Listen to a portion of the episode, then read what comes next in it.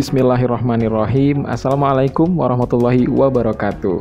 Halo sobat, ketemu sama gue Hanifan di Mankola Podcast. Nah ini episode pertamanya Mankola Podcast nih. Waduh, spesial banget ya. Spesial first first paling pertama-pertamanya banget dah. Sebenarnya nggak sih, kemarin udah ada yang pertama Tapi gue masukkan di episode 0 sebagai introduction sama Mankola Podcast ini dan di episode satu ini kita bakal ngebahas tentang gimana saat kita harus berjumpa sama kecewa nih. Pasti generasi milenial nggak asing sama rasa-rasa kecewa ini dan pasti nggak jarang diselimuti rasa kecewa. Nah kita bahas tentang kecewa ini apa sih kecewa itu dan gimana nyikapinnya dari kita sebagai orang yang beriman. Apakah saya harus nangis-nangis? Apakah saya harus sedih-sedih? Apakah saya harus nulis caption galau di medsos? Atau saya harus bikin story dengan lagu-lagu galaunya Denny Caknan? Kita bahas di sini. Stay on listening Manko Podcast.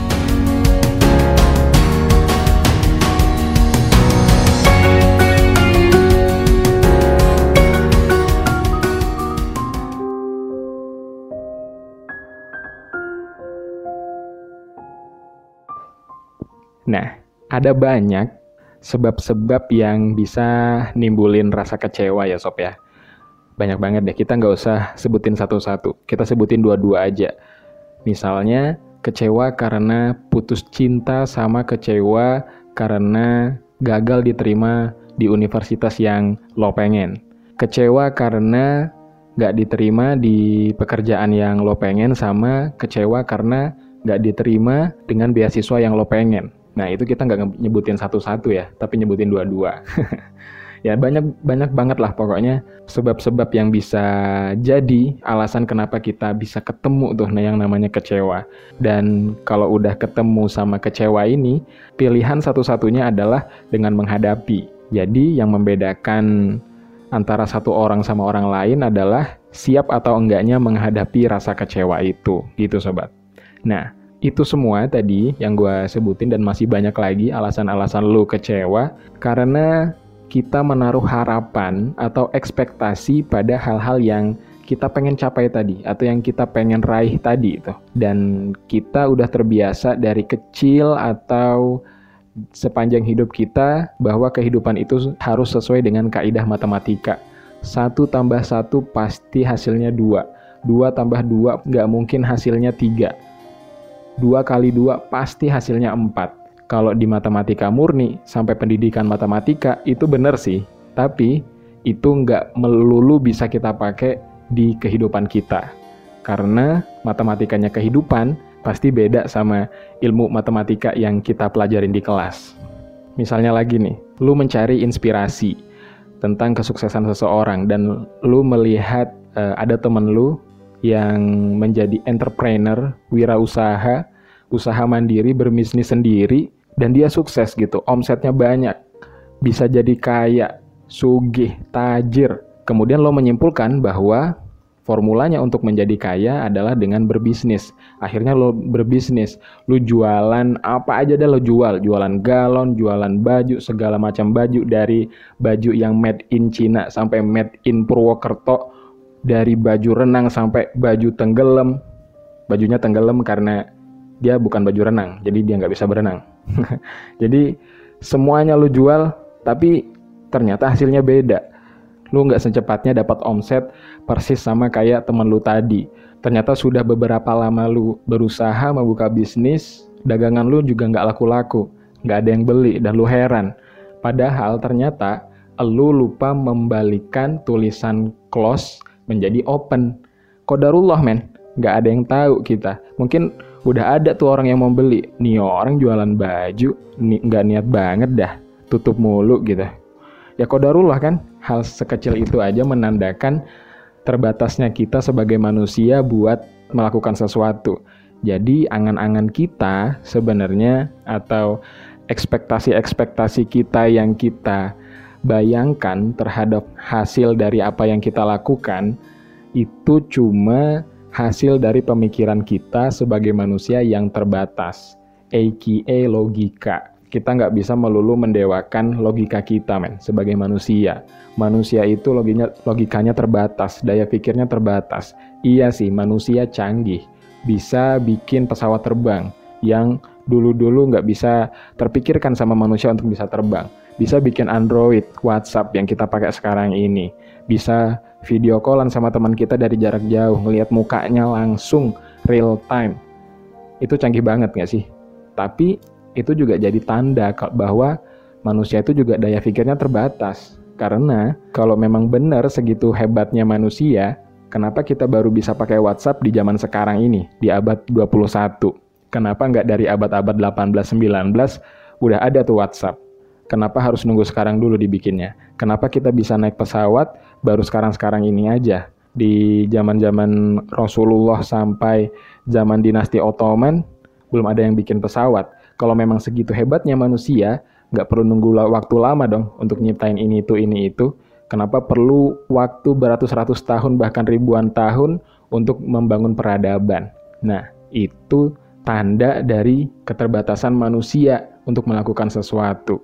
Jadi, ketika kita melakukan satu tambah satu, menyusun satu, mengambil tanda tambah, mencari tanda satu-satu lagi, dan kita berharap hasilnya bakal dua, kita harus sadari bahwa hidup ini nggak berjalan sendiri. Ada kekuatan yang ngendaliin itu semua.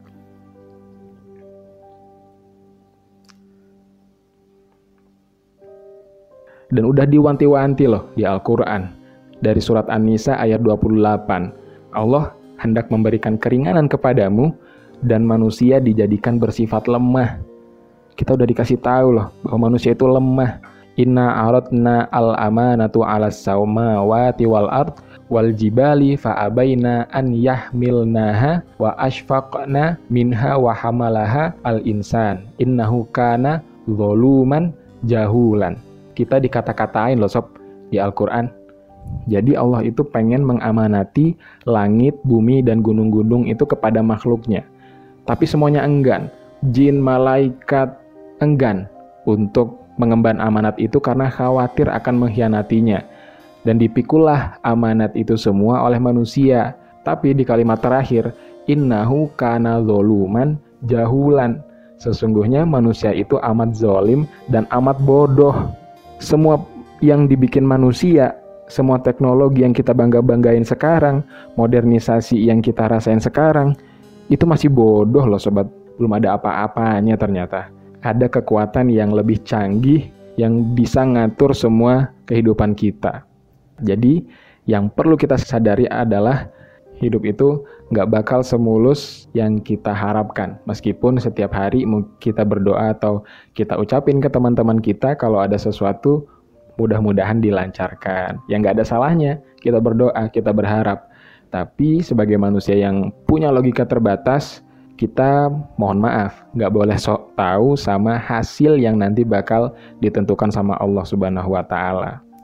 Nah, gimana ketika kecewa itu udah datang, tes, ternyata impian kita yang selama ini kita damba-dambakan, keinginan kita yang selama ini kita impi-impikan nggak tercapai si dia yang selama ini diangan-angankan untuk menjadi jodoh ternyata tidak kesampaian. Maka kita perlu menyikapi hal tersebut sebagai ujian. Mohon bersabar, ini ujian. Nah, itu hebat banget loh yang bikin kalimat itu karena itu udah ada di Al-Qur'an.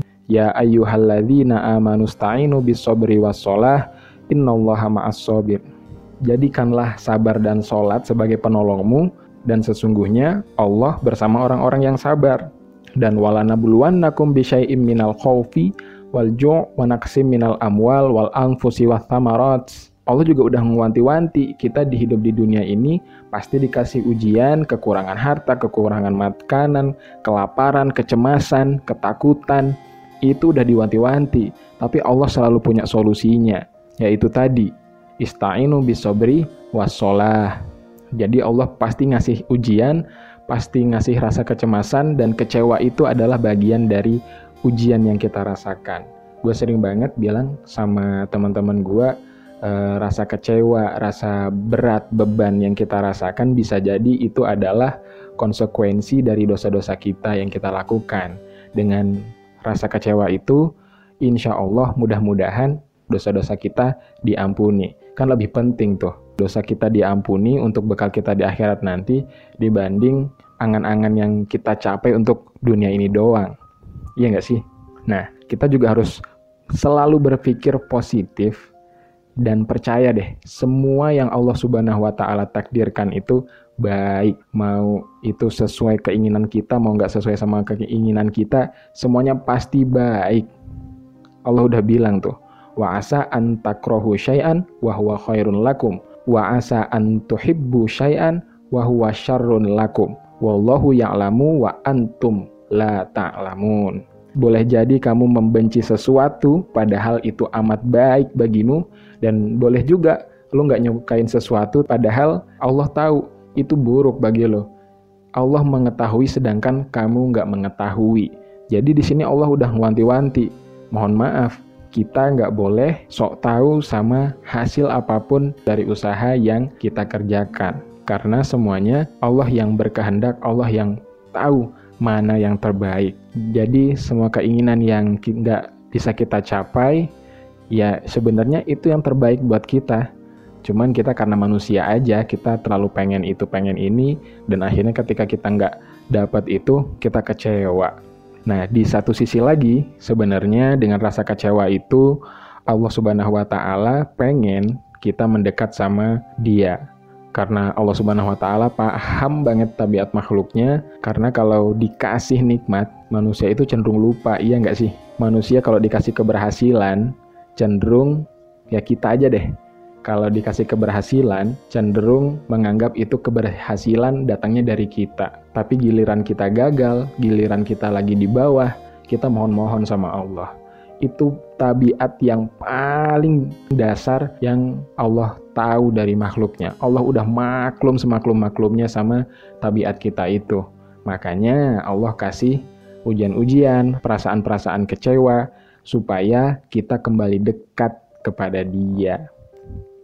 Dan yang terakhir, Allah berpesan untuk menentramkan hati dengan mengingat Allah Subhanahu wa taala. Fa inna ma'al usri yusra, inna ma'al usri yusra. Ada motivasi yang Allah kasih di situ, ada semangat yang Allah pengen kasih tahu di situ kalau setiap ada kesulitan pasti ada kemudahan.